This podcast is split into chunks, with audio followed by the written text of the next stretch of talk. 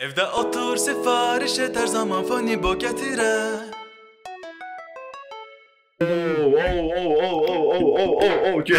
Yumdum, yumdum, yumdum. Şeydə olur ya bu Azərbaycanda nəsə qonaq olanda necə qarşılayırlar başa düşdün? Kimsə məşhur. "Wo, wo, wo, wo, wo, Azərbaycanın bir nömrəli rapper." Kamran. Yoxdur. Orada eyni mən də televiziyada işləyəndə belə idi başa düşdün. Reski müğənni girəndə mahnıda verməlidir yuxarıda səs rejissoru da. Yarada səs rejissoru gecikirdi, aparıcı əsəbləşirdi. Canlı yayında. Ya səsi qulağa bərk. Heç nə də eləyə bilmir axı. kamera. Qalır da yana-yana. Aparıcılarda da şey vardı. Biz indi belə danışırıq. Aparıcıların qulaqlarından ancaq nəsə deyirlər də. Məsəl üçün deyirlər ki, hə, Egnullaya bu sualı verin, hə, belə eləcək. Reklam fasiləsini ayırır. Hə, reklam fazlası. E, arada o işləmirdi, o işə mən baxırdım da başa düşdün ki, qulağa eşitmirsə. Mən Ən çox mən sən orada nə istəyirəm? Nəsə hadisə baş verir elə bir. Həmin anda tez aparıcı deyirlər, "Ha, filan şey baş verdi." hə də. Onunla bağlı nəsə soruş ki. Cəmaət də deyir ki, Aparıcının da əli qulağına gedir belə biraz sıxır Hə, belə studiyamızda nəsə canlılıq var. də əvvəl ki, bu tuturdu özü. Aparıcı ekstansiyonisti. Bildin. tuturdu özü. Yaxşı da qutaram. Yaxşı başlayaq. Xoş gəlmisən oğlum. Xoş gördük uşaqlar. Mən şəhər xoş gəlmişəm Bu gün biraz tez qutaraq axşam futbola baxacağam. Ona görə onlayn. Kim oynayır bu gün Nə axşam? tez bazar. Beşiktaş Galatasaray bura. Zor. Bilməyənlər üçün deyim, Eynola özü futbolla professional məşğul olur. Hə, illərdən futbolla məşğul olmuşam mən. Ciddi. Alsam. yo, Doğrudan, hə. Niyə bura? Necə yəni? Nə oldu sonra? Çox şey yoxlamışam da. Birinci rəssamlıq yoxlamışam. Rəssamlığı mən bilmirdim. Bir futbol çox üzr istəyirəm. Mən qaydalara başdan deməli unutdum. Masaya əlimizi vurmayaq, səs dirşəklə çıxır. vurmuruq. Bir də mikrofonla oynamayaq. Hə, futbol. Buranı kəsəcəm. Vurmuramsa məşğul olmamışam. Futbolla məşğul olmuşdum bir müddət. Hə, o- onda Qalatasaray balet verdim. Bir də ki fut- Real Madrid-də belə opşi. Hə, heç nə Hansı ki, hansı klubda Yox, oynayırdın? hardasa oynamısan. Hə. Bir neçə dənə klubda oynamışam. Neftçidə oynamışam, Qalatasarayda oynamışam, Rəvanda oynamışam, Bakıda oynamışam. Yəni etap-etap çoxsunu oynamışam. Hamısının gənclər şeyi olur da. Hə. Yəni. Neçə yaşın var idi? Mənim onda nə bilim o- 13, 14, 15. Bir də hansı mövqedə idin? E, illərlə özümü tapmaq üçün belə hər mövqedə oynamışam, amma ən son 3 il qapıçı olmuşam. Niyəsə ağlıma gəldi ki, 100% olmuşam. Qalatasarayda? Hə, Sizə Qalatasaray var Azərbaycanda. Yığmasın. Qalatasaray var idi Özü indi də var. mən nəyə görə qapıçı olmuşdum? akademiyasında. Maraqlı bir dənə fun fact deyim. Nəyə görə qa- qapıçı olaraq Qalatasaraya getmişdim? Çünki Qalatasarayın Yorulurdum. qa- qapıçılar üçün iminə aylıq pulsuz idi yəni. Azadlıqda yeri qapıçılar üçün pulsuz idi məşğul pul verirdim axı. Sən verirdim. Onu bilmirəm. Eynola biziz hansı mövqedə olur? Rəpə meyilli yarım müdafiəçi. Bas. Ana. Buna layiq. Mən elədim, mən elədim. Ömründə bir dəfə o knopka lazım oldu. Onu da tapa bilmir də. Lazım deyil.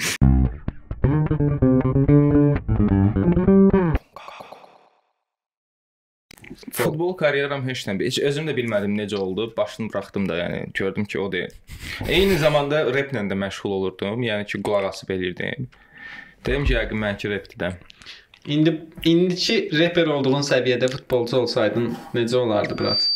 Yəqin daha çox pul qazanardım. yəni. Deyəsən hə, mən də elə düşünürəm. Yəni fikirləş elə bil re- reper olaraq Eynulla ilk nə bilim əl, ən azından 50-liyə girər də. İndi çox ge geniş götürdüm. Futbolçu olaraq ilk 50-liyə girsəydi indi. Azərbaycanda. Hə, maşını zara saxlamışdı Hə, burada bu dəqiqə. şey Video blogerlər mənə S klassının zadına. Şəhzada, nə bilim, gələ ştanqaya dəydirim oynayaq zə. Çem- Çempionlar Liqasında. Ştanqıya dəydi. ştanqaya dəydirmə. Ona görə də burdan yəni futbolçu gənclərə səslənirik ki, repə zada keçməyin. Hə, ya eləməyin. Futbol elə odur, hə. Futbol elə odur, hə. Futbolla davam eləyin. Qapıçı yəni tapılmır da. O Kasilyas mən çox Çambrandan sonra qapıçı tapa bilmir, yemin O da edirəm. meyxana deyir onsuz da yəni. Kamran Hə. Araya. Yox, yox, sən Casillas deyirsən. Mən Casillas- Casillas meyxana deyirdi İspan dilində. Puerto Spanish.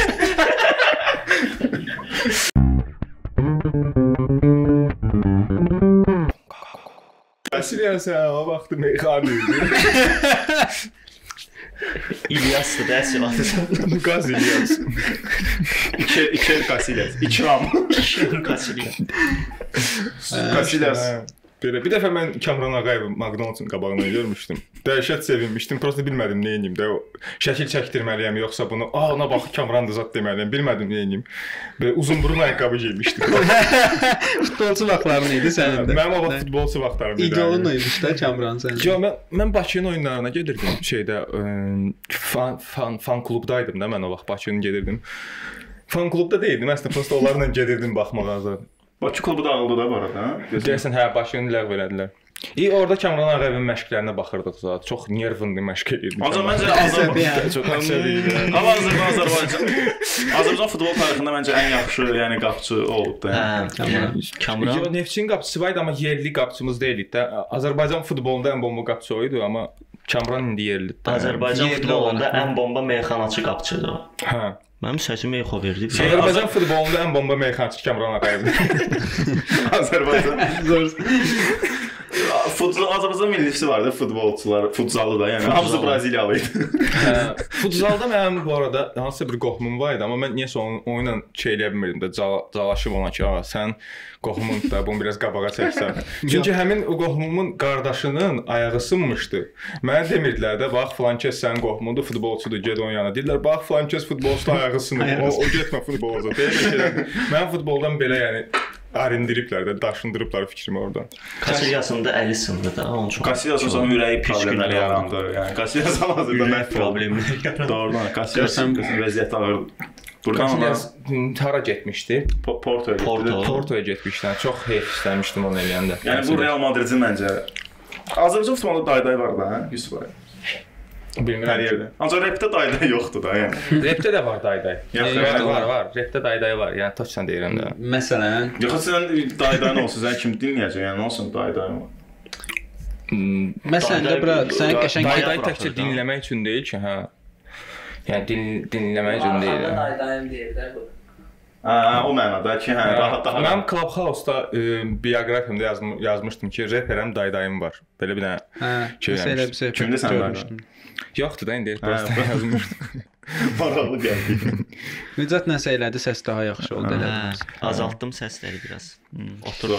Və hə, bura dedin sonra futboldan sonra nə etmisən? Dedin rəssamlıqsa. Yox, rəssamlıq lap uşaq vaxtlarının şeyləri olub. O yavna əl qabiliyyətimi kəşf etdiyim vaxtlar idi. Məndə də olub o vaxt.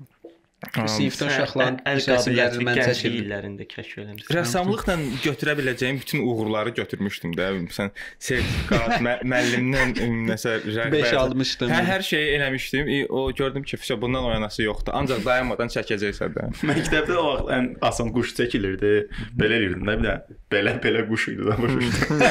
nə tapşırıq verdilər, deyirlər nar çək də başa düşdün. Nar çəkirdi, belə orada quş qoyurduq. Bir də ev çəkirdilər, e, bacası da həmişə tüstülüyür. Yayıcı hacır üstü evin bacası tüstülüyür. Günəşi də həmişə ə, vərəqin qırağından çəkiblər, yarımçıq belə.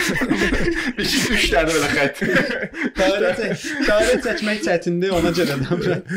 Ya Tamamlamaq üçün də şəkil tamamlansın deyə. Özdə məktəbdə yəni niyə rəsmdən 3 alasan zadı başa düşdün. Yəni hamı 4-5 alırdı da. Bizdə yəni heç kimin xətrinə dəymədilər Ya rəsm. 3 alan uşaqlar var idi amma. Onlar səs eləyirdi ona görə. yəni onlar da oradan Şuluqçu uşaqlar idi. problem müəllimdədir. Müəllim çəksə də 8 yaşında uşaqdan necə bir rəsm əsəri gözləyir ki, hələ 3 də verir ona. Ha indiki dövrdə yəni indi şeydə, indi generation get davam elə, bunun biraz düzəliş elə zətdə. 8 yaşında bir uşaq üçün nə bilim. Uşaq da şey, müəllim məndən olar. Hə. Ev çəkib Picasso. Picasso, əslində Picasso nə çəkib? Yəni kvadratlardır. O, o dərs brat, heç bir olub dəqiqə. O dərs Picasso sıçdım ya. şey deyil. O dərs ona görə deyil ki, uşaq böyüsün, rəssam olsun. O dərs prosta sən elə bir şagirdin imagination-da, yəni nə təsəvvür, hə, təsəvvürünü, hə, düzgün inkişaf tutmaq üçün bayaqdan belə deyir. O dərs Bir- brat. 360 dərəcə. Ən bahalı mikrofonlar niza şey Eynullada da ona görə sizin o dəriniz yoxdur yəni. Biz yəni-? Hardan danışsaq yazılır Hə, bura. pro çox pikdir bu Belə mikrofon. uzun. oyundur. Rocky danışma. Hə, hə. Nəsə deyəcəydim. Yəni bir də ən də, məktəbdən dəxilsiz dərs. Əmək. Müəllim içir də veçsin, başa düşürsən? Əmək. Əməyi məncə müəllimin seçəndə qayda olar ki, biz içki qəbul edirsən, desə yox götürmürlər. Niyəsə əmək dərsində mənim yadıma gəlir ki, həmişə yadımda qalan oldu ki, biz nəsə yazırdıq dayanmadan. o, o nə edirdik bilmirəm. Əmək Müəllim bilmir də başa düşdün. Lobziklə zad işləmisiniz? Yox, bura sən başqa məktəbdə oxumusan ha. yəni Lobzik mən- var idi belə kəsmək üçün. Yox, yox. Sən vəbşi əminsən ki, sən məktəbdə oxuyurdun. əmək dərsi. Bizdə Allah qədir sən demiş ki, əmək müəllimi gəldi, nəsə danışırdı, biz yazırdıq. Dəftər və kitab var idi. Mən bilirəm ki, o yəni bir 30 il əvvəlin kitabı idi. Onu hələ də bizə keçirdilər, onu yazdırırdılar. Və o kitab varsa niyə biz dəftərə yazırdıq onu? Niyə əmək dərsində edirdik bunu? Serikoda aparatları kəşf olunmadı. Buradan əmək müəllimimə salam. Özdə 2 dərs, elə bil həftədə 2 dəfə olmalıdır. Bir günə saldır, 2 dərs dalmadalda. Hamı getsin evə, yəni həm öz işi varsa mən. İdman e, dərsində idman müəllimləri bizlə puldan voleybolda da oynamısınız siz. biz yəni biz sinif uşaqları ilə puldan müəllimlərimizlə oynayırdıq. E, pul verə bilmirdik deyə kontrzat yükləyirik müəllimlərimizə. yəni məncə məktəb vaxtı 40 yaşlı müəllimi çətindir udmaq voleybolda. Əslində uda bilər deyə prosta çox biçok idi pardon. Özdə idman müəllimləri çox şey olur da. Məktəbdə ustazat işlərində görürlər. Başa şikayət xarab olur. Bizdə şey, yeni il məzununun adını o, o çəkirdi, yəni kameraman idi həm də. Kamerası var idi. Hər yerə basırlar da. İdman müəllimlərinin həmişə xoşuna gəldi bir, bir də biologiya müəlliməsi olur belə. Yanırdı onlar. İdman müəllimi. İdman O müəllimi. gələndə tullar turnikoya. Mən ancaq zarafatsız- Qaçın siz. Mən həyatda heç nə uğur qazanmasam, 50 yaşımda istəyirəm idman müəllimi olum. Qaçın mən ya sinif rəhbərlərinə zad girişir. Mən biologiya müəllimimlə çox bomba bir dənə istoriyam var. Deməli çıxıb dərs danışmışdım. Getdim gündəliyimi gətirdim müəllimə belə. Müəlliməm baxır jurnal birinci jurnala qiymət yazırdılar axı.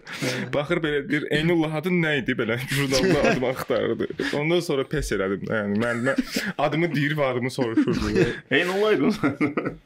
Sinif rəhbəri hansı dərs fənni üzrə olub müəllim? Sinif rəhbəri. Bizdə biologiya idi. Bizdə din ədəbiyyat müəllimi idi. Azərbaycan bizdə tarix idi. Nə dini ədəbiyyat? Dil ədəbiyyat deyildi. Həm Azərbaycan dili, həm ədəbiyyat deyildi. Məktəb pik idi. Yəni məktəb üçün darıxıram. Mən də hərdən dəhşət darıxıram. İnanılmaz Məktəb illəri. Mən mən heç vaxt darıxmamışam indiyə qədər, amma Yo mən düş mən də düşünürdüm ki, heç vaxt darıxmayacağam. O nə deyə ya, məktəb üçün darıxmaqdan. Prosta düşünən indiki momentə baxanda darıxıram Dar- mən məktəb üçün.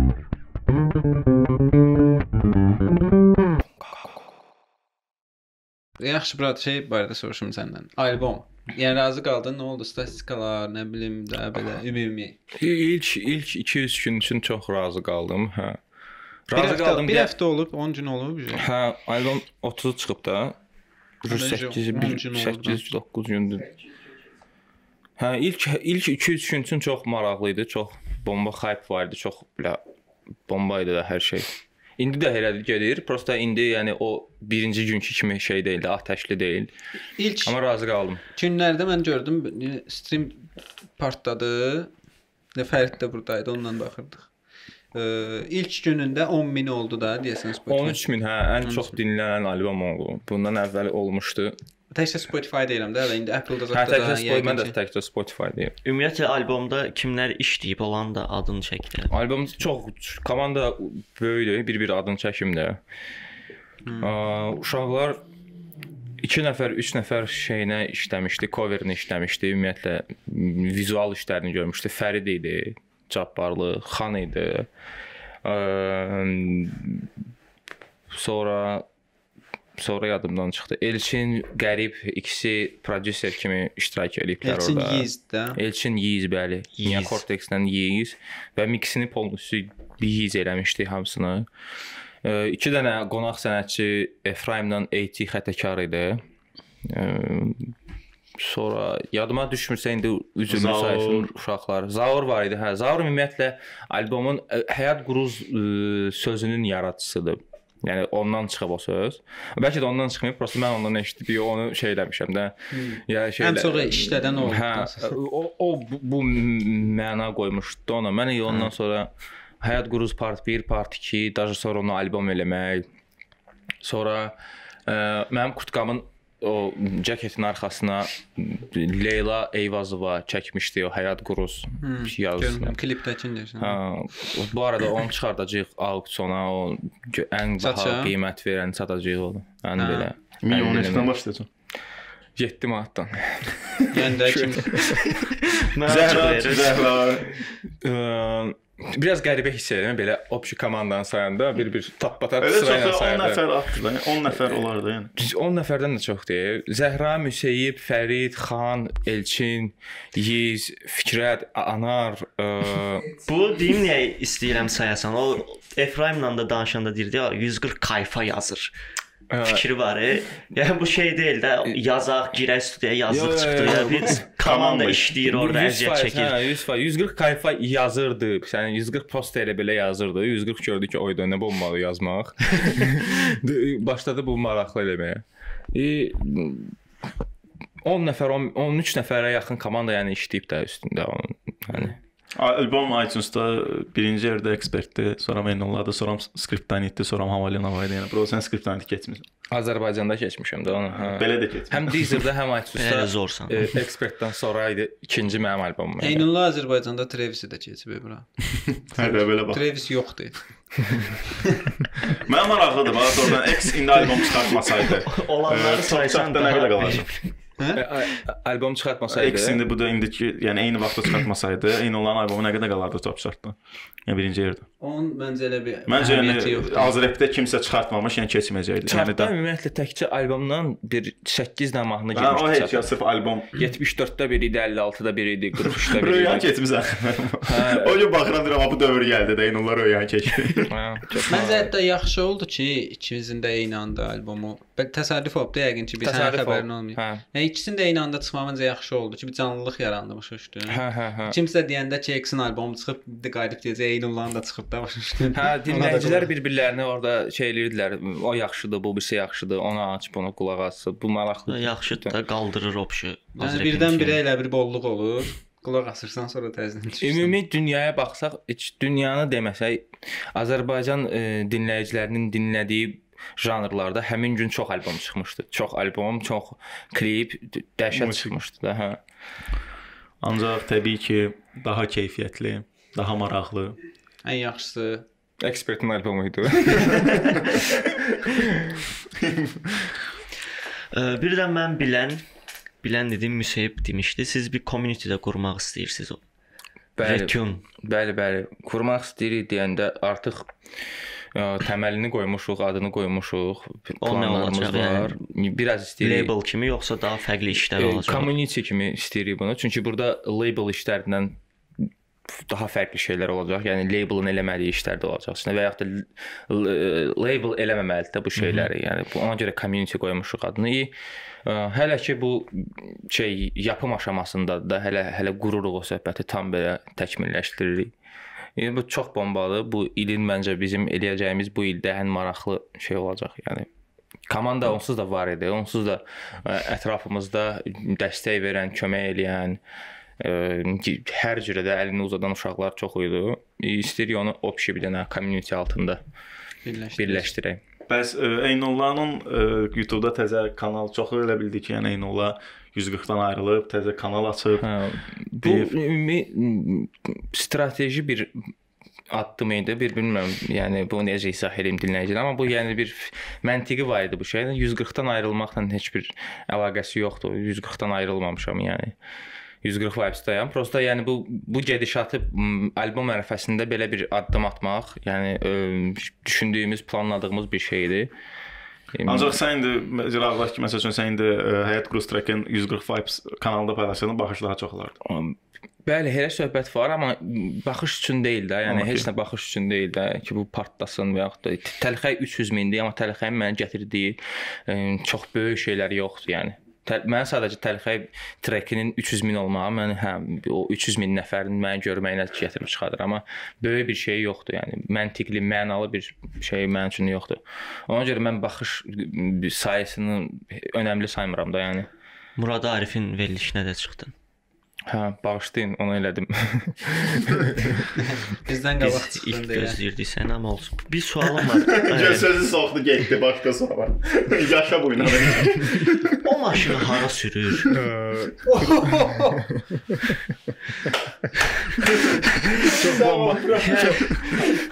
hamının hamının vermək istədiyi sual idi. Bunu sən Yəni minir sarı Mən də onu geyirsiz. fikirləşirəm. Valla bunu yəni Ya da şey olur ya mindin ucu düşürdən hə yaxşıdır açıq gəz. Yox, belə evə qoyur axırda, yəni ya gəlib götürür. soruşur, düşürdənə yaxın soruşur ki, sən hansı tərəfə gedəcəksən? Mindirəndə deyir, bəs kartda nəqdi. Yox, ə, Murad qayıdır ki, nə olar, harda düşəsən? Yol üstü klient zət götürsün. Hə, dəqiqə qayıdır ki və səsləndir. Ay belə bir dənə klient gəldi, bir dənə baxırsan. Buradan düşə bilər. Kartdı nəqdi pek ilə o zor söhbət. Mən ucu işdə oluram gülməkdən dəhşət. Murad bəy se sevirik. Murad bizə qonaq gələcək. Hə, Murad Arif buradan respekt. Murad. Arif düşməyə düşəndə düz hara düşməliyəmsə ora qədər apardı. Hə, hara lazım idisə. Və hara sürdüyü söhbət o qədər maraqlı, o qədər belə uzun çəkir ki, oradakı söhbət. Sən fikir vermirsən nə hardan gəlirsən. Amma moment olur ki, sən "A, bayaq da buradan keçdik. Dejavu hissi zad olur da. Yəni 100 min dəfə eyni yerdən keçmiş ola bilər. şeylər də başı qarışıb quruqlayım biraz. Qayız və saxlayıb alacaq. Saxlasa məncə bir, bir dənə bir dənə bomba maraqlı bir şey deyə bilərəm. Biz bir dəfə dayandıq siqaret çəkmək üçün. Bizə şey yaxınlaşdı. Ee, Nə olar mən şey edincə Hə. biz ona kömək elədik. Sağ ol. Hə. Siqaret əlində. Allah razı olsun.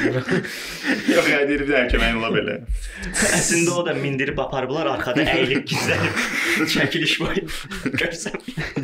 Orada nə olar deyə məsələ toxundun ki, panyasiya zət mən xoşlayıram belə şeyləri. Hə, orada mənə nə qədər komment yazılıb o barədə ki, dedi təqzib edir dedikləriniz ha.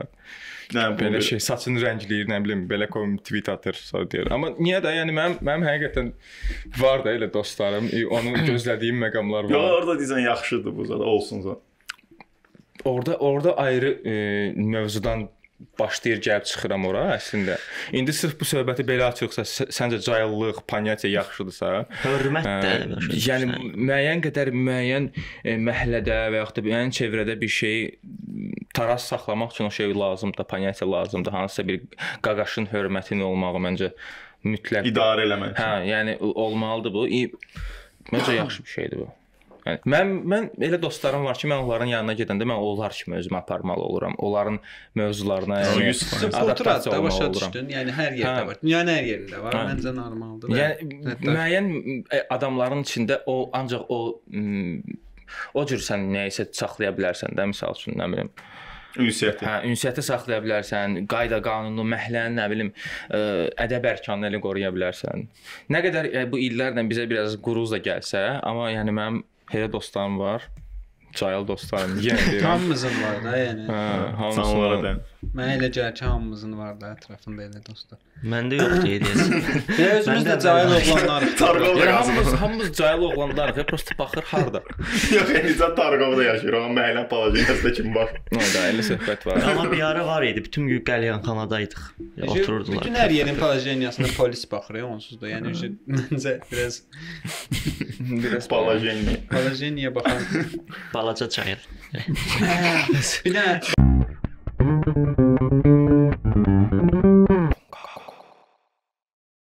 bir şey məsələsi var. Baxış baxışların məsəl e, qatqısı məsələsi var. E, yəni şizmin baxışın e, qatqısı e, pul olaraq yox da, ümumiyyətlə nə olur? Yəni feymin güclü feym qazanmağın. Yəni milyonlarla baxılan var deyək ki, şey də Əsliхан deyək, çox baxılır. Dəhşət baxılır da o triklər. Sonra Çox dəhşətdir. Kimin önünə gətirəm? Milyon milyon o vurur da o hər dəfə.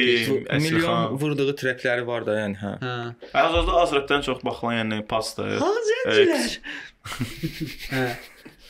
Sonra Pastor, Əslihan milyondan söhbət gedir. Hə, Yəni hə. epi. Yox, Azərbaycan repində e, milyonu vuran çoxdur. Sən o üzdə olanları sayma. Yəni elə adamlar var ki, bəlkə tanımırıq. Hə. Biz onları milyonu vurublar. Yəni o gecə Yəni- geri nabrana məsələn oğlan qardaş. hə. Gerindən. O o əslində çoxdan deyirsən rəplə məşğul. O sırf bu. O rapın adıdır o. Yox, ekspert Hə, pastor də heç milyonu vurmayanda, milyonu vuran treklər var idi ki, həmin həmin adamlar indi ümumiyyətlə replə məşğul deyillər.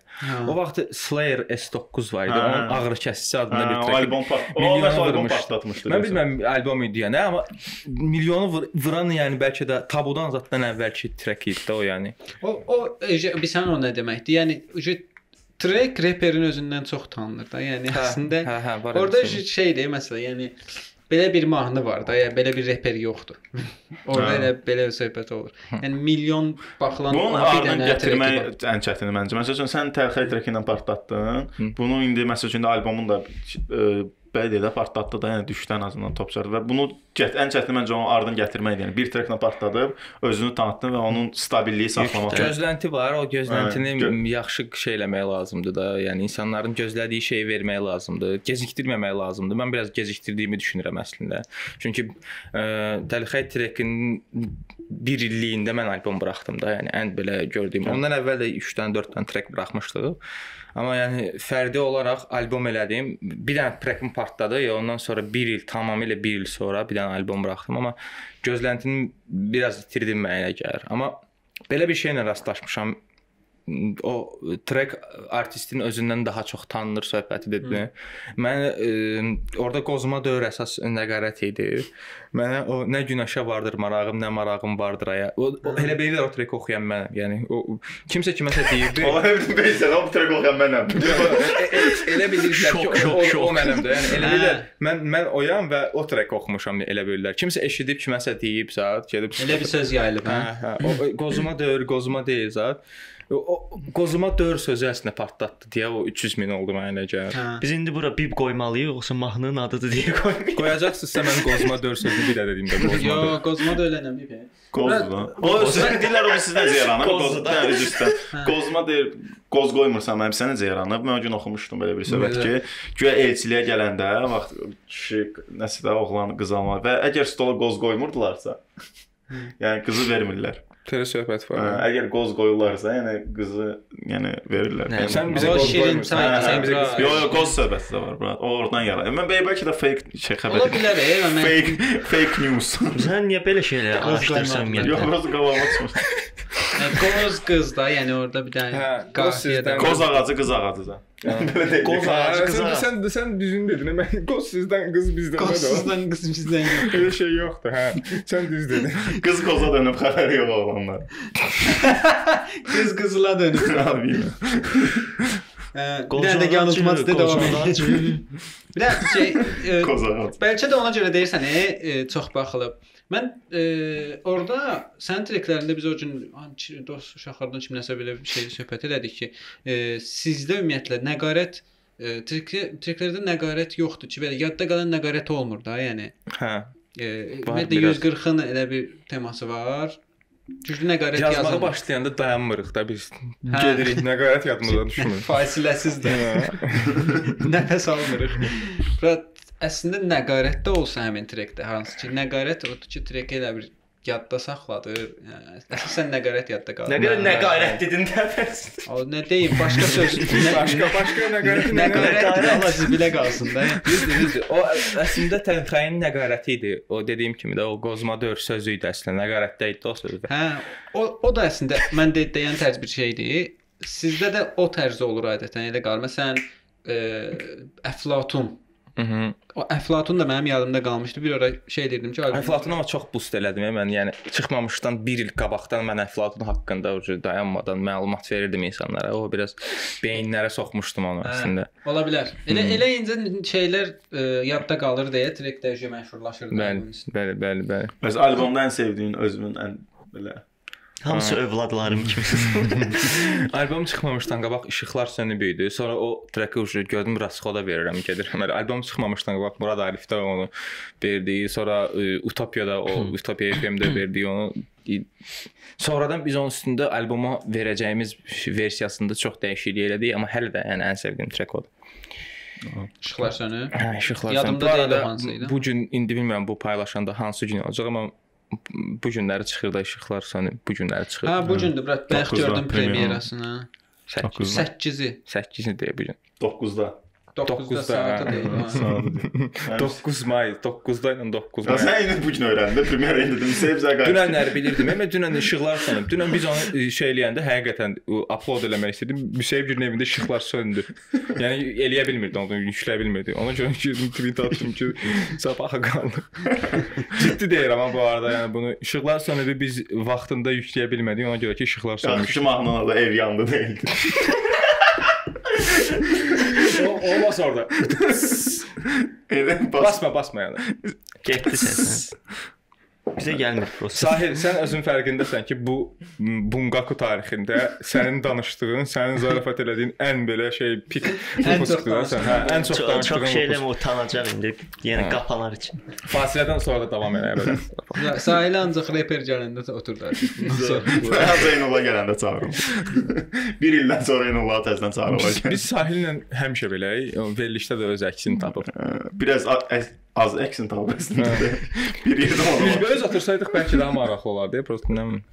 Yeri. Bilər niyə söz soxdunuz gəl? Duraq da yəni. Ya, söz söz soxmadım. Prosta dedim. Nəyəsə görə dedim bunu. Əslində belə zordur.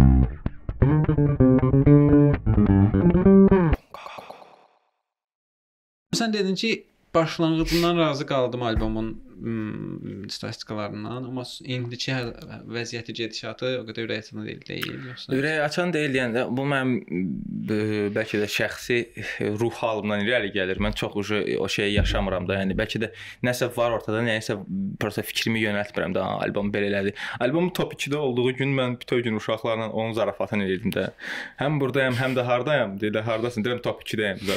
yəni o o şeyi özümdə tapmışdım. Z- Çox ləzzət edirdi mənə. Hə, sonradan istəyirsən ki, o davam davamilə artsın, amma Artsa, yəni daha belə böyük bir şey görsəm, hə, yəni o hələ də qane eləyir, yəni pi- pis anlaşılmasın bu. Pras mən o yəni o o dönəmi keçdim də, yəni başqa şey fokuslanmışam. Fikrətin albomu var, ona e, treklər yazırıq, orada çalışıram iştirak edeyim. Fikrətin yeni albomu var imiş, bunu da Bəli, bəli. mən. Mənim Çıxacaq. bitən günü biz başladıq o, yəni albom bitdi, hər şeyini tam yola verdik, keçdik ona, yəni dayanmırıq da, bir dəqiqə dayanmırıq. Bir gün ara vermirik yəni. Yəni bir də şey var idi, ə, söz var idi. Davam eləməyən uğur uğur deyil də, yəni bir dəfə bir dəfə eləmisən, tutturmusan, sonra davam eləməyibsə, yəni Nə o o, söhbətdən. Hə, prosta o- şansdır da, şeydir, yəni bəxtin gətirir. Bəs o tə- təlxə itirəki də mə- mənim üçün elə bir şeydir yəni əslində. Hə. Yəni o da Əgər gətirmək- qalsaydın, elə bil, davam eləməsəydin albom falan, o idi yəni vsyoda bir dəfə nəsə bəxti gətirib partladı, yoxa çıxıb. İndi ancaq çıxdı. Başarı deyil. Bəs albom tam YouTube-dan nə vaxt olacaq yəni pulsuz? Belə bir deadline var, yəni əslində. Bunu məndən çox soruşdular. Instagramda dəhşət çox soruşdular. Cavab vermədim. Burada deyim. Gözləyirdim bu sual səndən. Yəni burada da belə. Gəl bax, heç də yox. Albomun albomun materialları tam YouTube-a yüklənəndə hansı ki planlı da klip fikirləşmişik ya viza. Onların hamısını verəndən sonra albomun artıq yəni bütün o şeyi öyrəndən sonra audio versiyada qoyacağıq. Amma bu o demək deyil də, yəni cəmaət almasın, gözləsin o dönəmi. Yəni YouTube-a düşəcək, amma bu prosta düşəcək də. Yəni sadəcə düşəcək YouTube-a. Şey Onu necə gözləməsinlər də yəni. Məsələn, kəllə-kəllə pasterna tipon şeydə.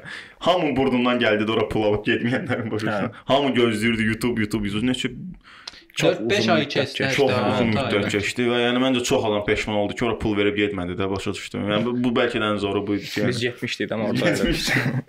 Mən yox idim orada. Biz boğazım qırın, bacı Bacı bəy, biz oradaydıq. Mən, mən pul verərdim ki, o video mənə atsınlar baxım da. Montaj eləyəndə əslində gəlib baxa bilərdim. Prosta heç axotum olmadı. Montaj ərəfəsində xəbərim var. Mən baxmadım. Eyni zad indi nəsə baxmayıb təsəvvür et. Sən baxıb ümumiyyətlə baxmamısan? Yox. Niyə? Baxmadım. Gəl sən danışım orada nə oldu? Deməli pastor sən nə etdin?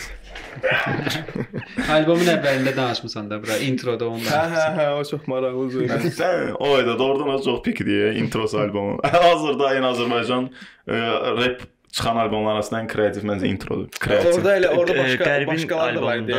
intro zor idi. Ümumiyyətlə O introlar zordur.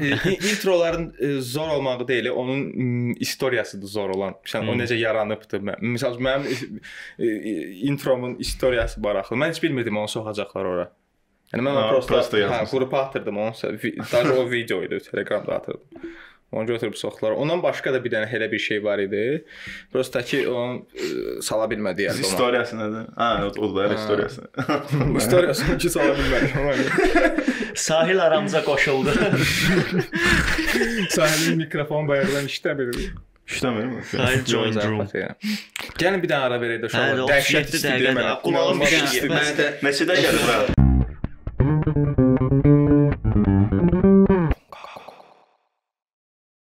Sahil aç. Bu arada bunu sizə hədiyyə edirəm. Sizin verilişə bunu hədiyyə Oh, çox sağ götürürəm. ol. Çox minnətdaram. Yəni ki mən qalır da, məndə qalır. Sağ ol. Sahildə qalacaqsa sahildə qalacaq. Mənim kompüterimin CD playeri yoxdur. Bu arada CD playeri olmayanlar üçün diski drive olaraq da göndərilir fayllar. Hə, bəli, Bunu bəli. Eynullah deməyibmiş heç kimə. Cəmaət mahnı axtarır. Neçə vaxt almısınız bilmirsiniz Diskalı qulaq. batırlar. 15 manat verib qulaq asa bilməyib hələ də, amma qulaq asdı. Bu çəkmişsə belə Bir də əldə. 15 manat verib albomu hələ də əldə edə bilməyən rayonda yaşayanlar var. Onları da göndərmişik, gedir satacaqlar. Yəni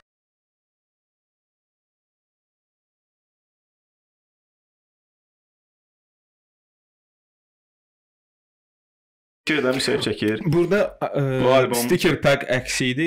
Onu Ha, içində sonra stick də olur. Bu albomun coveridir. Bu içində başqa bir şəkildir. Bunun dizaynını Xanla Fərid edib də. Mən hə bir günə onu. Burada ə, içində treklərin sözləridir. Treklərin kodlarıdır. Bunun yığana daha çox bomba xoşumuza gəldi. Şey koddur da, QR koddur belə. Telefon vurursunuz. Arxasında QR kod da var bu arada. Onu Ha. oxutduranda gəlib çıxırlar mənim digitaldakı profillərimə. Hə. Song ship şey dedilir. 140-ın möhtəşəm loqosu, yəni Nihat Ceynin təqdimatında. Qutar ver mənə bura. Okay, bu disk belədir və Eynullahın imzası.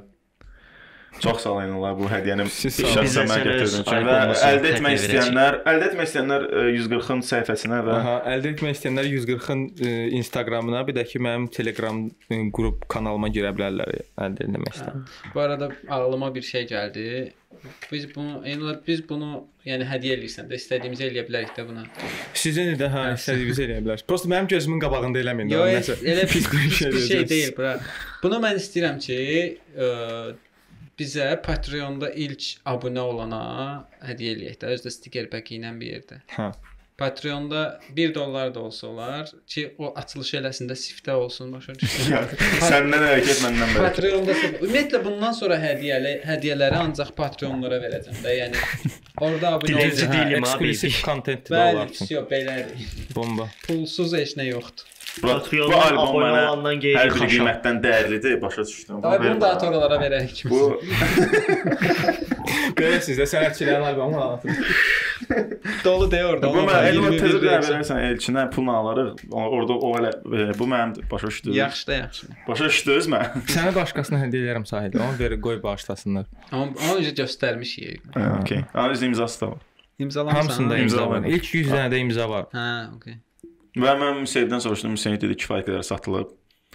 O say deməyəcəm burada, ancaq yəni bir həftə. Hə, yazıb bir də mənim mm, şey gəldi, ilk çıxan gün satışa SMS gəldi ki, diski alan var ki, heç belə kinayəli suallar. Sonra sual cavab eləmişdim, oraya yazdılar ki, neçədən satılıb zət. Yəni satılır da uşaqlar bu maraqlıdırsa sizə gedir də satışı. Satılır da. Nə istəyirsən? Alan da var, satılır həm də. Almayasan məşğul eləmə də. Hə, yəni Alan da var, sat, alan da razı, satan da razı. Və e, gəlirlər də Spotify-dan gələcək. Və artıq Azərbaycan repi pul qazanır. Fot-fot gəlirlər, gəlirlər. Toya getməyib pul qazanan gənclik yetişir. Sənətçilər yetişir. Bu, bu belə belə heç eş, eşitməmişdim ha. Yəni toya getməyib pul qazanan gənclik yetişir. Bu, bu çox bomba idi əslində. Gənclik, gələcəyimiz çox parlaq. Toya getməyib pul qazanan Sənətçilər. də. sənətçi. Hə. Bu ilk dəfə idi belə hallanır. Şey onlayn qoşulur da. Toya getməyib pul qazananlar, yəni maşenniklər də loxlayırlar, pul alırlar amma toya getmir. Bas bas.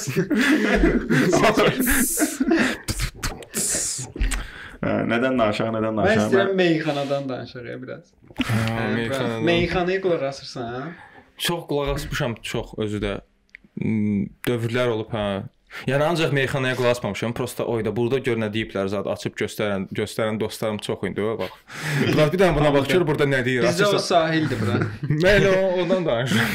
Oy belə ya öyrədi yandı deyəsən. Oy belə. Hə. O maçdağa toyu sözlər. Az qalsın dava zət. Clickbait-lə olan qafiyələr daxıya çox baxıram. Meyxana kömək eləyir nəsə reperdə. Hə, əslində, yəni zarafat bir yana, meyxana daha çox söz sənəti kimi gəlir mənə, daha çox belə e, şair, ədəbiyyat, şairiyyat, şeiriyyat tələb edən bir sahə kimi gəlir mənə. Həmişə Azərbaycanda həmişə meyxana, meyxana deyənlər və bu sahə repdən biraz daha e, rəğbət görür, daha maraqlı, daha ciddi bir şey kimi Azərbaycan sayılır. tupakı Rəşad Dağlıb da, yəni. Yəni demək olar yəni, Hə, hə. yox, ölən birini deyək də bura. Vüqar biləcərli olsun. Belə. Zəhmət olsun ona. Aydın. Aydın, aydın, Aydın. Hə, daha yaxındır məncə. aydın mehman. Aydın big idi. Meşədi baba.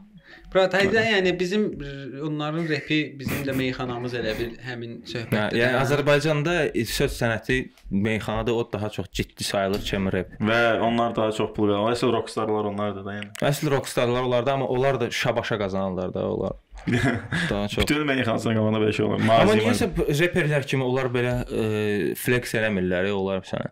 Mən elə söz deyirəm ki, mənə dayanmadan şabaş atırlar zat. Kimsə təsəvvür elə meyxanada flex edir də belə. Mən o qədər bomba şairəm ki, mənə durmadan pul atırlar zat. Olur da amma dayanmadan deyirlər, şey eləyirlər. Bir açılış tərifdir orada. Girirsən, otursan. Mən çox bu arada e, palatka toylarında zad olmuşam. Mən Biləcərdə bir müddət yaşamışam deyə bizim qapımızın ağzında da çox olurdu palatka toyları. Hmm. orada gördüm də. Rahatlıqla sənə Eynullah biləcəri deyə bilərik. Yo elə şey deyil. Eynullah biləcəyi. Elə şey deyirsən.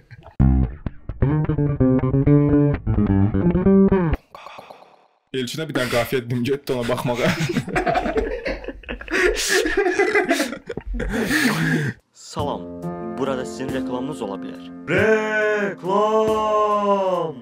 Demişəm. Mən sənə ilk dəfə şeydə tanış olmuşuq. Kəllə-kəllədə e, kimi Omenlə yo yo Kibo. Omen Hə, şey, Krolun batlığı. Hə, Krol. Orada tanış olmuşuq ilk dəfə. ha deyəsən. Doğrudan olar. Xub bomba oğlansan, yəni hələ də narazılığın yoxdur. Yaxşı ki olmuşuq. hə, həqiqətən yaxşı ki tanış olmuşuq dediyim dostlarımdan Qar- sonra. Qarşılıqlıdır bu. Yaxşı ki səni tanıdım. Necə tərifiniz qutarsa verilişə keçək. Buyurun, yəni. buyurun. Keçək bura. Mən üzrlü sayın.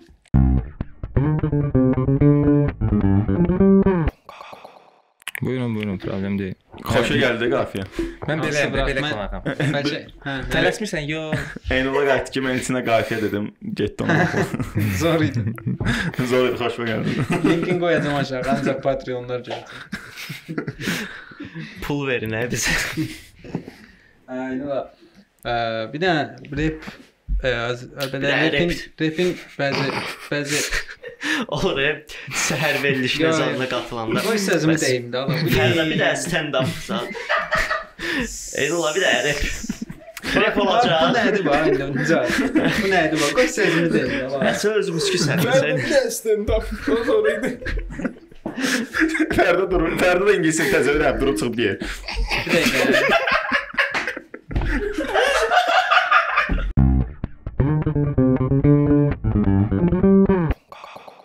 Azərbaycanda kimi dinlirsən Eynullah? Reperlərdən. Şey Qaraqanın adını çəkdin ki, təzə başlamışam onu dinləməyə. Yəni Hə, o hostun o il dönümü ərəfəsi idi. Qaraqanın niyəsə həmin ərəfə bu illəri iminə o il dönümü ərəfəsində kəşf elədim. Hmm, Heç art art niyyətli yanaşırdım, heç çox belə ım, yo mənlik deyil zət kimi yanaşırdım, amma din, indi dinləyirəm sayılmaz, prosta kəşf elədim bu il. Belə isə Azərbaycan repindən artıq heç kimə qulaq asmıram demək olar. Yəni daimi heç kimə qulaq asmıram. Ancaq özümüz də öz iş, öz layihələrimiz zət belə Telegramdan atırlar demolar zət. xaricilərdən bir ikisini də. Yəni şey elə ki zövq yaratdı. Yəni Eynullah nəyə qulaq asır, nədən ilhamlanır, nədən Onu əslində de demək ist- istəmirəm də. Mən bundan ilham alıram zət. Çünki ilham aldığım, baxdıqlarımı paylaşmadığım şeylər də çoxsu. Belə paylaşmaq istədiklərimi də Instagramda çox vaxt paylaşıram. Playlist paylaşıram Spotify-da kimlərə dinləyirəm zət. Yəni daima ola bilər ki, çox köhnə albomlar axtarıram, tapıram məsəl üçün. E, Big Panın təzə Big L-ın zadının albomlarında, Nasın bəzi albomlarından təzə nələrsə seçirəm, atıram indiki playlistimə zad. Ya təzə çıxan, lap təzə çıxanlardan ə, rusların drill eləyənlərin zadını atıram başa düşdün. Belə. Yəni ilham aldıqlarımı əslində paylaşmıram da onları prosta qulaq asıram, hə. Saxlayırsan, bizlə bölüşmürsən. Hə, məncə onu çox da bölüşməmək lazımdır. Mənim xan adında dostum var məsəl üçün, o çox vaxt bölüşmür, mən qısqanıram yəni. Playlist bölüşmür. P playlist bölüşməyən insanlar belə qəribə gəlir mənə.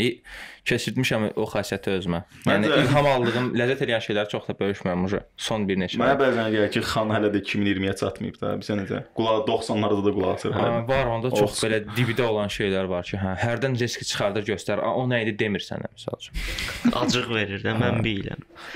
Get tap. Pop- Populyarlaşır, sonra adiləşir, populyarlaşır. Yəni onun qulaq asdığı şeylər də istəmir dostları Hə, hə, hə. Xana deyirsən ki, xan çipsin hardan? Biraz, paxıllıqdır o bir növ. Həm də gözündən düşür də o yəqin ki ondan sonra. Zordur. Mən bu, Uniquely istəyir. mən bu xasiyyəti götürdüm özümə məncə. Mən bu qəşəng xasiyyətdir. Məncə Playlist paylaşmayacaqsan. Play təkcə şeydir, yaradıcılıqda Məncə mənasızdır, yəni. Yo, yo, biz sən ayrı cürdür o. Paradoks yəni artistlər böyük artistlər. Hə. Heç kim Hətta yəni paylaşmır. paylaşmalılar ki, daha çox tanınsın. Yəni. Biraz doğrudan qısqanclıq. Yox, yo, çox köhnə belə vaxtı keçmiş bir şeyə qulaq asa bilərsən, amma istəmirsən də bunu. onsuz da məşhurdur, prosta istəmirsən buna sənin qulaq assın. Hı. Qulaq asdığını bilsinlər. Hı. Utan, utanır e bəlkə də xan. da olar. Playlistin şeydir. Çox pis gündə deyə paylaşmır. göstərlər. Şeydir də şəlaləm mənim gözəlsən. ağlaya ağlayasa. Dibinə girib. Ə, niyə Hə, biz onun barədə danışmaq istəyirdim səndən. Şeydən, e, Murad Arifdən ilhamlandım. Və sponsorluqlar, ümumiyyətlə biz onun Azərbaycanda bunu zətə də vermişdi ya bu sualı. E, bir çox belə əyləncə layihələrində videolara falan sponsor olmağı biraz ikra yaradıb da insanlarda. Mazol eləyib də gözlər. Mazal eləyib. hə. Amma bu bir tərəfdən də müsbət bir şeydir. Bir markanın bu qədər yatırım eləməyi YouTube, yəni Azərbaycanlı istehsalçılar. Bir tərəfdən yox, çox müsbət bir şeydir də, yəni əslində. Aha, bunu biraz belə e, çox bil, bilməyən insan kimi götürsək, heç nədən xəbərimiz yoxdur. Prosta girib görürük kimi baxsaq, hə, bir marka gör nə qədər yatırım edir, hər yerdə odur zət. Amma bilirsən axı bu necə işləyir, bu nəyə görə bu qədər çoxdur, nəyə görə hamıda var. Bunu biraz dərk eləyəndə o gözdən düşür, ləzzət eləmir. Ləzzət eləmir, amma Bir tərəfdən hə, yaxşı bir şeydir. Marka gör nə qədər yatırım eləyir. Hı. Yəni yerli kontentlər onun onun şotuna nə qədər şey istehsal olunur da musiqilər nə bilim ən azından qazanırlar da bir trekdən heç olmasa 300 500 nə bilim ki. Yəni bizon var və onunla sponsorluq eləmək mümkündür. O biraz pul verir. Fikri durum ha onda bir dənə trek yazım gətirir çıxardır. Ola bilər belə şeylər bəzilərində. Şey Amma pisdir. Başda araya girim. Əbdiyan. Buyur, Məsələn, hamıya verir nəsə. Amma xırda-xırda çox adama verir. Böyük-böyük 1-2 nəfərə versə, özü də babat reklam olar. Nəinki kiç-kiç. Dərk eləmişik də o xırda-xırda hamıya verir deyə artıq yəni orada ciddi işdə görə bilirsən, pis işdə də görə bilirsən onu. E, Məsələ odur ki, yəni markanın strategiyasını biz ondan yaxşı bilənmərik də. Ona o daha çox sərf elədiyi üçün Hə. elə edir də hər halda. İndi mən prosta maraqlıdır. Bunu elədiyi şeyi artistlər daha çox məncə e, belə deyim də bəyənməlidir. Hətta m, e, digər digər markalardan da bunu tələb etməlidir. Nəinki qarşı olmaq da, yəni başa düşdün. Çünki e, məncə məsələn biz onu e, görsək ki, başqa markalarda sponsor olmağa başlayıb bu şey. Burada hiss eləyəcək ki, rəqabət var. Mən artistə daha yaxşı təklif verim ki, məni reklam eləsin. Düşdün? Nəinki biz ona bunu elədiyi üçün kin saxlamaq. Bu bu maraqlı yanaşmadır, maraqlı dedim bunu, amma ki yenə deyirəm, düş belə düşünmək istəsək, hə, sənin dediklərin doğrudur. O, o tərəfdən baxsaq, hə, amma ortada olan reallıqla mən mən elə düşünmürəm də. Reallığı görəndə elə düşünmürəm yəni. Mən mən reallıq barədə onu da deyim ki, yəni ə, da- introya qoymaqları filan düzgün strategiya, düzgün şey deyil. Yəni artistlər baxımından ki, mənim yaradıcılığımı korluyur. Amma məcburam deyə eləyirəm. Ancaq biz ondan gedirsə, biz on yəni artıq fərqindədir də ortada rəqabət var. Ona görə ki, sponsor ancaq energetik energetik içkilərdir də. Yəni Berg, Bizon, Full, yəni xel bir ara eləyirdi. O Azad rəqabətin daha çox olduğu bir şeydir o. Yəni bu şirkətlər bir-birləri ilə eyni özdə, eyni məhsulla rəqabətdədirlər, amma yenə də heç bir dəyişiklik yoxdur, yəni. Qoy artistə artıq pul verin, mənə eləsin söhbəti yoxdur, yəni. Onların məncə heç vecinə deyil də, yəni kimdir, nəçidir, yaxşı şeydir yoxsa belə. Onsuz da elədir. Yenə də marka üçün əslində niyə də vecinə olsun? E? Yəni bunun bir dəyərləri yoxdur bu marka. Öz dəyərləri var, amma belə e, Yəni çox bu normativləri o o sadəcə o satışı ilə maraqlanır. Yəni də belə deyim də biz e, kommersial tərəfindən onlara uyğunlaşmalıyıq. Nəinki onlar bizim də yaradıcılığımıza Əslində, hə. görə işləməlidir belə. Əslində hə. Ümumiyyətlə ancaq rep klipi hansı marka, yəni başqa energetik içkidən sponsor ola bilər? Yəni gənclər, cavanlar ancaq energetik içki ilə, yəni sonra içki Jager olur məsələn sponsor kimi. Başqa nə? Buna rep rep kimi baxmayaq da, rep e, janrına hansı sponsorlar uyğundur. Belə açmayaq da başlayaq. sırf Azərbaycanda Xitab eləyir. Bu e, rep daha çox kütləyə xitab eləyirsə, lazımdır o daha kütləyə çox nə gənc nə kütlə, hə. makaronun makaron girib, məsəl üçün makaron gəlir Zaurun verilişində, nə sponsor olur, nə bizim tarla. İndi müəyyən şey, biz ə, sırf ə, o yaşlı insanlar üçün sponsor. Yəni televiziyada buna baxanlar üçün ora demək olar, televizorda bu. Hətta sırf Azərbaycanda rep axı gənclərdən Məncə bunu biz yox ya, bunu markalar özləri fikirləşməlidir ki, mənim məhsulum, misal üçün də tuturam, atıram, e, hansısa bir dənə m, eynək bir brendidir, hə? Mənim məhsulum yayda cavanların gözündə olmalıdır. Onda mən bunu belə eləyim. Misal üçün deyirəm də bunu. Markalar özləri fikirləşməlidir ki, hə, bu gəncliyə xitab edən bir janr var. Bunları çox dinləyirlər. Mən öz məhsulumu burdan verim. Başa düşdün? Bunu biz fikirləşməli deyilik, amma Düzdür, o, aynen. yeri gələndə özümüz fikirləşirik ki, amma bu bizim elə bir klipimiz var, burada belə bir şey olsa daha yaxşı olar. Gəlib ona inandırıb pul götürmək olur məsəl üçün. Amma bizon söhbətinə qayıtsaq, bizon özü çox ucuz, ucuz içkidir deyə, yəni e, bir 70 qəpikdir də, yəni 70 qəpiyə bir dənə energetik içki içirsən də, bunun hmm. sponsoru da belə olmalıdır da, yəni şey reklamı da bu cür olmalıdır, yəni. Tırıq kimi hamı bunu belə belə eləməlidir, yəni. Nə də prosta nə deyəcəm? Mən məsələn yaradıcı bir kimi mən seçsəm əgər və hə, həqiqətən də pula o qədər çox ehtiyacım olmasa, deyək ki, elə Bungaku üçün Hı -hı. mən sən sponsor axtarıram, amma bilirəm ki, mən bu hələ ki sponsor olmadan da biz bunu öz, özümüz davam elətdirə bilirik də. Hı Məsələn, bir dənə sponsor var. Bəzi şeylər o kömək eləyir, eləyir, amma e, ikinci sponsora o qədər ehtiyacım yoxdur ki, məsələn, istəmədiyim bir markanı məcbur deyim ki, olsun. Və ona görə mən məsələn seçirəm. Deyirəm ki, hə, biz ona o qədər yerdə sponsor olub ki, Hı -hı. e, mən düşünürəm ki, məsələn, də deyəcəklər bəlkə biz ona hətta production kimi baxır xaricilər. Yəni bir dənə şeyə baxırdım, reaction, reaction şey var idi. E, doğrudan olub bu söhbət. Mən mən başa düşdüm. Hə, reaction videosunda xaricilər dedən pastra qulaq asır, kimə qulaq asır, şeydir. Ha, it's the Bizon production also falan başa düşdün. Yəni bu da Bizon production'ın məhsuludur. production atsa partnadaram. O hardan bilsin, yəni belə introza çıxır başda. Intro çıxır başda, nə bilim Bizon tak tak tak deyir, yəni production'dur da. Bizon e, bunların öz içkiləri zaddır bu. Bizon label zad yaradır. Burada bir tərəfdən bir tərəfdən o o mövzuda məni narahat eləyir. Bir ehtiyac duymaq gəlirə, pula və bir tərəfdən də istəmədiyim markanı reklam eləmək. Yəni mən istəyirəm 70 qəpiklik içkini reklam eləyim məsəl üçün. Mənim sətirlərim o qədər şeydir ki, mən 70 qəpiklik içki reklam eləyim. Hə, Bu, bu düşündürür hə- bəzən məni.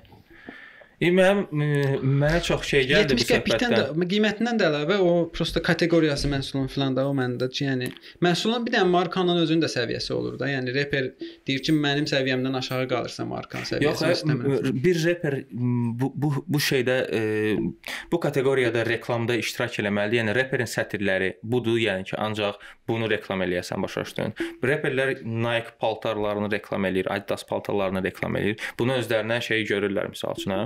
Yəni düşündürür məni, yəni. Mən niyə iminlə içki, ucuz içki e, reklam eləməliyəm, bu birisini yox. Mənə niyə bu vermir, bu birisi verir reklam. Hə, necə? Sən sənin seçmə haqqın olmalıdır da o şey. Amma seçmə şansın olmalıdır. Sənin məncə bizdə bizə axtarmalıdılar, yəni sənətçiləri axtarmalıdılar reklam vermək üçün. Biz özümüz baxmalıyıq, hə mən bunu eləyirəm, bunu eləmirəm. Yəni seç seçim haqqı çox, çox olmalıdır məncə, hə. E, sən də onu axtarmalısan, onlar da axtarmalıdır. Əslində iki tərəfli da, yəni. Sən yox deyəndə sənin bu işləri görən şəxs kimdirsə, sənin kommersiya işləri görən falan, yəni deyək prodüserin. Yəni o da axtarmalıdır, təkliflər verməlidir. Çünki heç kim oturduğu nədir? yerdə gəlib heç kim sponsor olmur da. Yox, yox, marka istəməlidir ki, mən reklam olmuram. Mən mənə reklam lazımdır və məni falan artist reklam eləsin. Hə, onu bildim, düzdür. Elə də Yəni o o həddə gəlib çatmalıyıq ki, yəni bizim bizə artıq sponsorlar axtarsın. Bizon Hə? İstərseniz bizon sözü deyilir elə bir başa düşdüm. Bizon, bizon. Biz onda Sayır da bizim. Bax bu bölümü sponsor eləsən bizon partladar da, yəni. Yaxavı da işte səncə elə bir Bizon iftar haqqında verilişində oturmuşum. Mən mənim bu söhbətlərimə bizon özü yatırım eləsəydi misal üçün. Gör nə qədər biz ondan danışdıq. Özdə biz bunu mən mən bunu biz senzura davam bu eləyirik. Ma söz- belə biz onu Hə, mən, mən bu sözə senzura qoymayacağam reklam olar deyə. Yəni biz onu hamı tanıyır da, öcə başa düşdün. Biz onu mən burada deməyim reklam deyil əslində. Hə. biz onu desək problem yoxdur da yəni. Ay, burax da. Problem var. Çox sıxıb, yaxanı çox sıxıb, beynə getmir. üçün zordur. Prosta mən elə elib qurtarmışam o zarafatdan hamısını. Özləri də eləyib onu. Doğrudan. Hə, pankart zad qoymuşdular amma metroya. Biz onu içirik.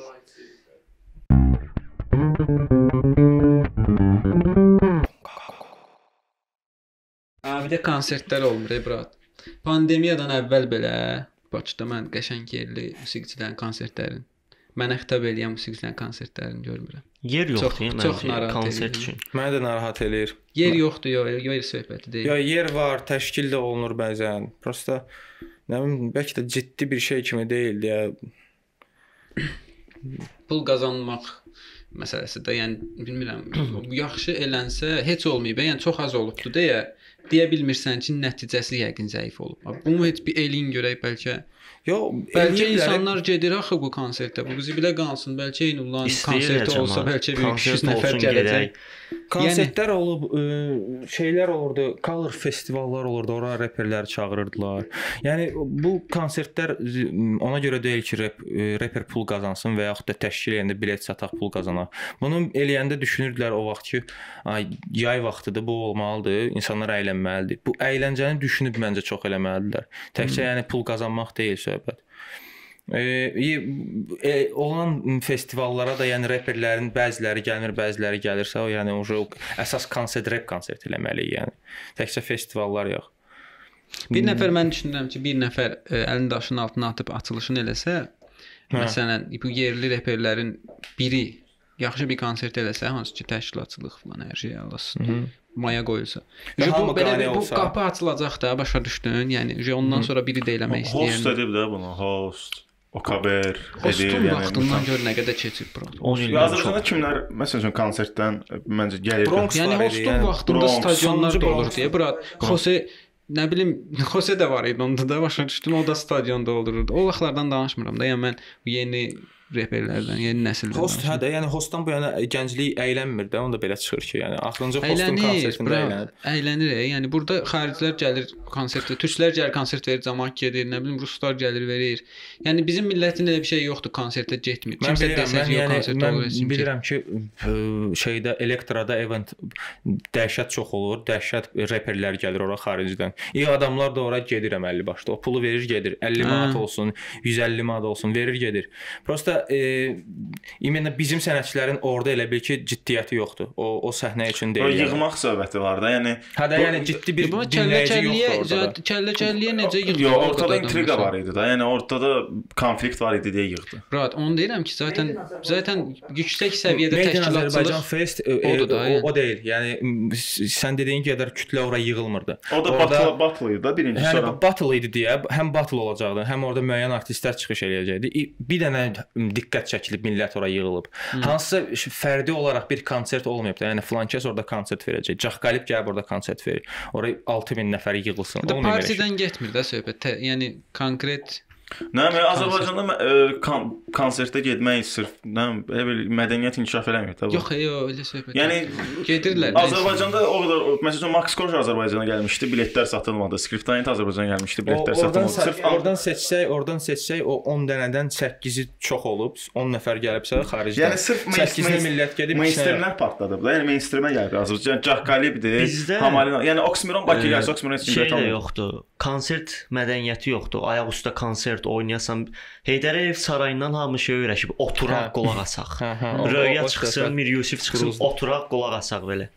Oxuyur, baxırıq. Aycın oturur, hamı Azərbaycan, oturur. Aycın oturur. E, xalqı konsertdə baxır. Yəni əylənmir də orada. Aycun oturub Aycunun baxır. mahnısına millət necə şey eləyəcək, eləyə bilər ki, yəni ayaq üstə nə edə bilər ki?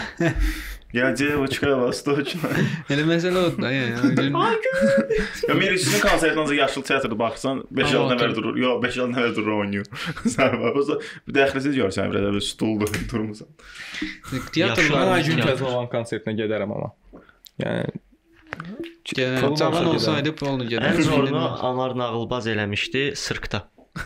və kostyumda. Hə. Mən söyüş, söyüş, söyüş, senzurasızdan başlamışdım. Breakdance.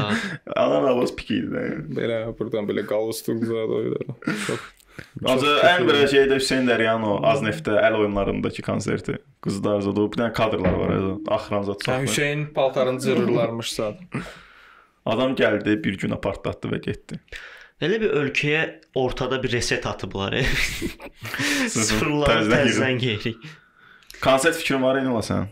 Yoxsa sırf məncə sən buraxmısan öz komandanın şeyinə də, özün 140 Vibes-in konserti e, eləməyə fikri var məncə. Yəni şəxsi konsert 140 Vibes ola ola məncə şəxsi konsert nə bilim hələ düşünməmişik bu vaxta kimi. Eləsək 140 Vibes ümumi konsert eləyər. Eləyən məsləhətlisi də o əslində label olaraq. Bir məncə yəni 140 ə, konsert eləsə, Hı. yəni bir 500 nəfər rahat bilet satılar. Hətta min. Gəldi İndi qıraqdan. kalkulyator açıb vurub hesablayıb Yəni çıxmaq lazım. sorğu eləyək. Bax mən sənə onu deyirəm. Yəni sən düşünürsən ki, sənin 500 nəfər potensial konsertə gələ biləcək e, fanatın var. E, orada ücə hesab kitabı eləyib qazancla çıxa bilirsənsə, bunu hər hansı bir təşkilatçıya təklif eləyib, yəni təşkilatçılıq məsələsində şirkətlər var, təşkilatçılıq eləyir bu işlə. Və onlar da onlara da məqbul görünsə rəqəmlər, desə məsələn 500 nəfəri yığırsansa mən boyun qoyuram işə. Hı -hı. Sən də boyun qoyursan, mən 500 nəfər yığıram. Ya belə belə eləyib, yəni bu işlərin qayda qaydası budur. Yəni elənmir amma başa düşdün. Mən Biz bunu görmürəm. biz bunu çox danışmışıq. Biz deyim, ə, söhbətin arxasında da komanda olaraq çox danışırıq. E, mən bəzən gilə eləyirəm, bəzən tapıram ki, hə qaydası budur, belə eləsək belə olar zət. Ortada gəlir çıxır ki, hə, həm indi bu dəqiqə bu planları necə lazımsa elə eləsək də pandemiyaya görə yığılmayacaq, ya nəsə olmayacaq. Və ortada o- eləyən yoxdur. O ilk addım atan yoxdur. Mən özüm də yəni nə qədər deyirəm, desəm də mən özüm də heç elə bir şey cəhd eləməmişəm, imkan ol, olsa da. Birinci Mən- lazımdır inandırmaq da, inandırmaq ki, bax biz belə bir e, Məsələn biz halk, halk üçün deyirdik konsert təşkil eləyək. O barədə nə qədər elə araşdırmalar elədim ki, necə, nə cür filan. E, ondan sonra necəsə oldu qaldı da hələ ki indi pandemiya da düşdü ondan sonra. Hə biraz uzandı proses. Hı hı. Sonra da pandemiya zad oldu qaldı. Hələ ki yəni o vaxtdan bəri qalıbdı. Amma ki yəni mümkündür. Özdə Mən indidən sonra görürəm. ora yığmaq daha asan da olacaq. Çünki Aha. hamı hamı bu haqqda danışır. Yəni konsertə heç getməyən belə konsert olsun gedim deyən var da, yəni. İndi daha rahat olar yığmaq məncə. Bəlkə Amma əyləncə üçün darıxır. Əksi də ola bilər bir siz əslində. Mən düşünürəm ki, insanlar alışır, yəni şeyə. Bu həyata alışır. Hı. Konsertsizlik, kafelərə getmək. Birdən birə görəsiz ki, o konsertlərə heç kim getmirmiş. Amma evdən oturur baxır belə. Belə belə də ola bilər. Hə, yəni elə- olsun baxa. link yoxdur, link. Qaqaş gəlir bir dənə live açır baş üstünə tək durub da belə hinullar çəkir. Zoom-da şey olub hamı girib baxır. 5 manatdan satır. Eynullar şeylə evə gəlir də o belə işıq şey olur, el lazerlə çıxır belə. Hə, Evdə holoqramla. Holoqramla oxuyur ev. Pandemiya üçün amma bomba konsert ideyasıdır ya pandemiyada. Ha. Evlərimizdə iştirak edirik. Biraz da baha çıxacaq da belə. Qoyursan səhnə qurursan ev. Onun üçün birinci o şeyi satırsan da, onun boostunu edirsən. Aparatın zadı. Hə. Gəlir belə qalagram yıxılır da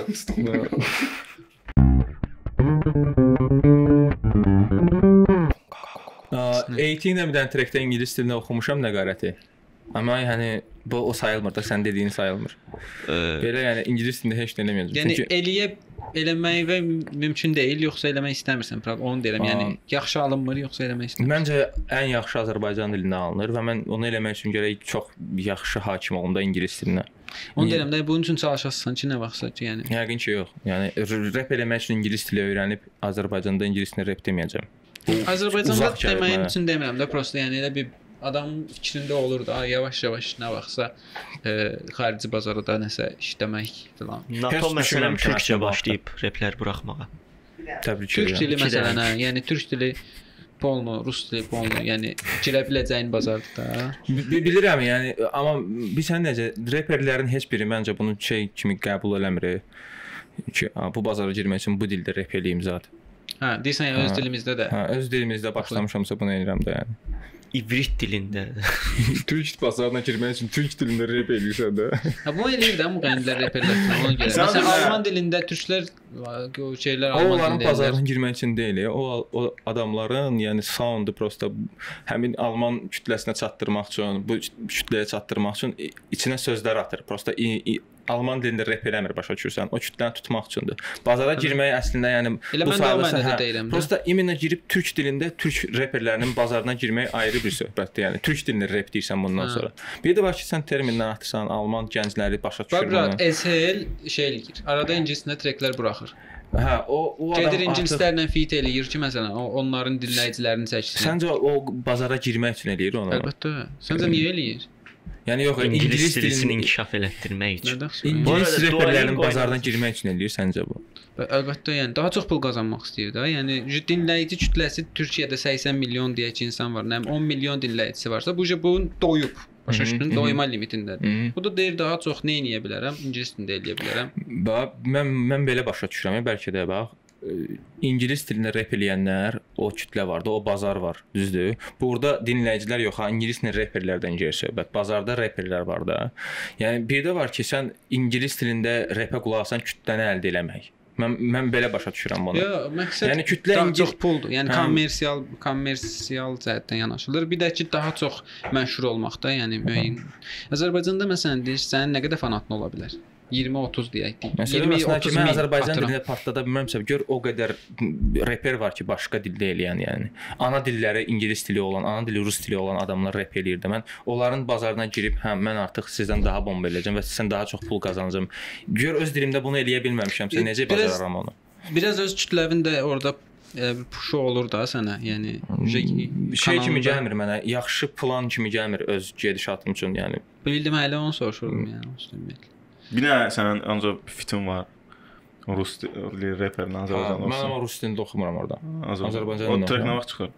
O Məncə deyər, çox həmin bomba proyektdir. həmin artistin albomunda olmalıdır.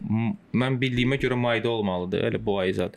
Amma nəsə Gecikmə. edəcəm. Hə, özümə hələ dəqiq məlumat yoxdur məndə də. Yəni e, birinci öz karyeramda birinci international featuringdir məndə. Global featuring deyil, international. SNG. Bir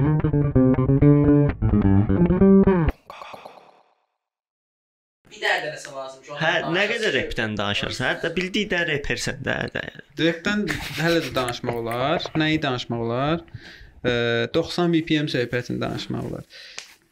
Mən şeyi öyrənmək istəyirəm ki, yəni 140-ın türkü odur, yəni yəni fərqləndirən də başa düşdün.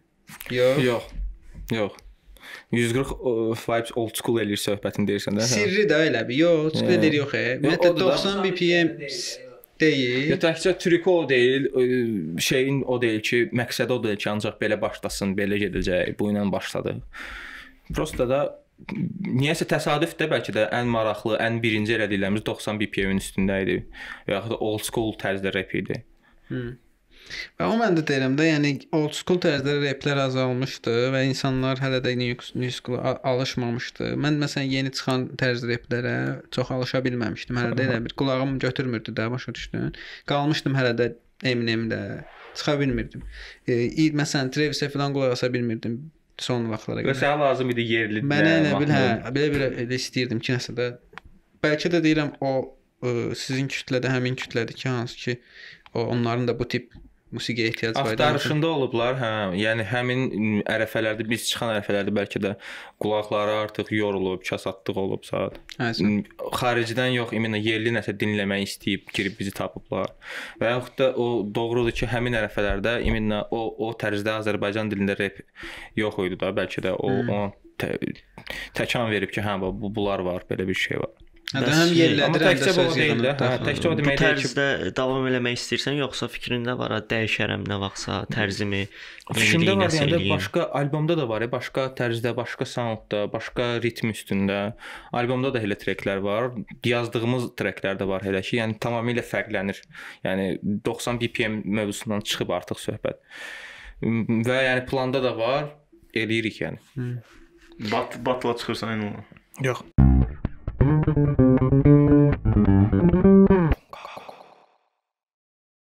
Bir də şeydən başqa 90 BPM-dən başqa, məsələn deyirsən, treklərin düzü hamısı bir-birindən fərqlənir albomda demək olar. Ə, amma fərqlənsə də yenə də bir dənə elə bir orada qafiyə quruluşudursa, yenə də elə bir bilinir ki, bu 140 elə bir kimsə hər hansı bir adam bunu götürsün, oxusun, bilinəcək ki, 140 vibes-in ə, uşaqlarından kimisə trek edib başa düşdün. Hə, var elə. Məncə Nədir də o mən onu mən. 140-da Məncə qafiyə quruluşları. Qafiyə quruluşu stereotipləri qırma, yəni bir ə, Azərbaycanda hansısa bir mövzu haqqında heç kim eləməyib bu mövzunu bu haqqda danışmayıb da repdə. Yəni 140-dakı uşaqlar bu haqqda bunun, bunun haqqında mövzu açırlar başa düşdüm. Hə, qafiyə. Açılmamış bəzi, hə. bəzi mövzular ola bilər və e, qafiyə strukturu, ümumiyyətlə flow, axışı, sənin xoş gələn bə, o şeylərdir də. Hə, onlar onlar ola bilər fərqləndirən. Və hə, iminə 140 faiz uşaqlarının e, elədiyi sistem var və mən özüm də hiss edirəm onu yəni. Hı. Var elə bir sistem ki, hə, bunu eşidəndə bilirsən ki, bu, bunu 140 vibes eləyib. Ay sağ ol. Yəni məsəl üçün ə, Azərbaycanda nə qədər sevgi haqqında treklər yazılır, çoxu standartdır da, yəni. Bu sən ancaq 140-da uşaqlar başqa cürə bəzən yanaşır da bu sevgi münasib. Məsəl üçün də lirikaya adi nəsə sevgi haqqında yazılanda belə, yəni O- belə tam fərqli. O da biraz maraqlı mövzudur. Yəni ümumiyyətlə rapin, yəni Amerikada məsələn e, su Afro Afroamerikalıların elə bir bir şey olub da, yaratdığı bir şey olub və bu minority hmm, deyəm bir dəqiqə nədir? Çi- Azınlıqlar nədir bizim dildə? Yəni Hə, azınlıq bildim. azlıqlar deyək də, yəni hansı ki o kiçik kütlələr onların elə irqçilikdən tutmuş, nə bilim, hər şeylə bu mübarizə aparmaq, mübarizə metodu olub da əslində. Qədərlilərdən başlayan. Ümumiyyətlə rapin şeyi də mübarizədir hansısa. Mübarizədir. Hə, sən insanların səsi olmalısan, insanların nə bilim eşitmək istədiklərini deməlisən. E, amma sənin öz baxışından da yəni səsləndirmək istədiyin öz sənin söhbətlərin də ola bilər, hansı ki özünün toxunmaq istədiyin mövzular. Amma ümumi götürəndə lap kommersiya da buna daxildir. İnsanların demək istədiyi bir şey deyəndir reper, ümumiyyətlə sənətçi də, artist, xalqın səsidir zət.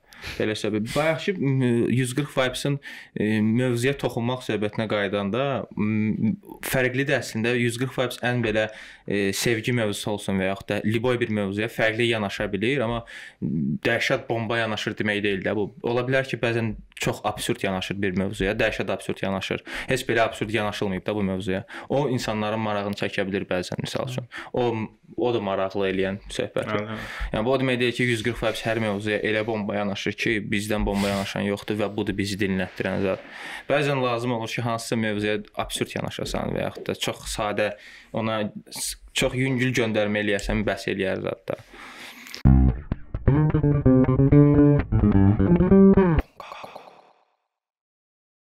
Mən getdim, pişdim burada. Təşəkkür Sən edirəm elə belə bir hamınıza. dənə durub getsən sonra. Hələ bir indi. dəqiqə sussan sonra olar. Təşəkkür edirəm məni dinlədiyiniz üçün. Bilmədim xoş oldu ya yox. Çox sağ ol. Təşəkkür çox sağ ol. edirik. Bizim üçün Sağ ol, brat. 140 vibes motherfucker Səhər yeməyimi yeyirdim taxta bir lokantada doğrudur Amma alnımdan dörd güllə yeməyim akta deyilənlər yayılıb Hamısı saxta bir odan biləsiz ha Məndə raym var bir ton axmaq Birinci yer ve tanı və çalış ki ittirməyəsən qaplarda qalacaqsan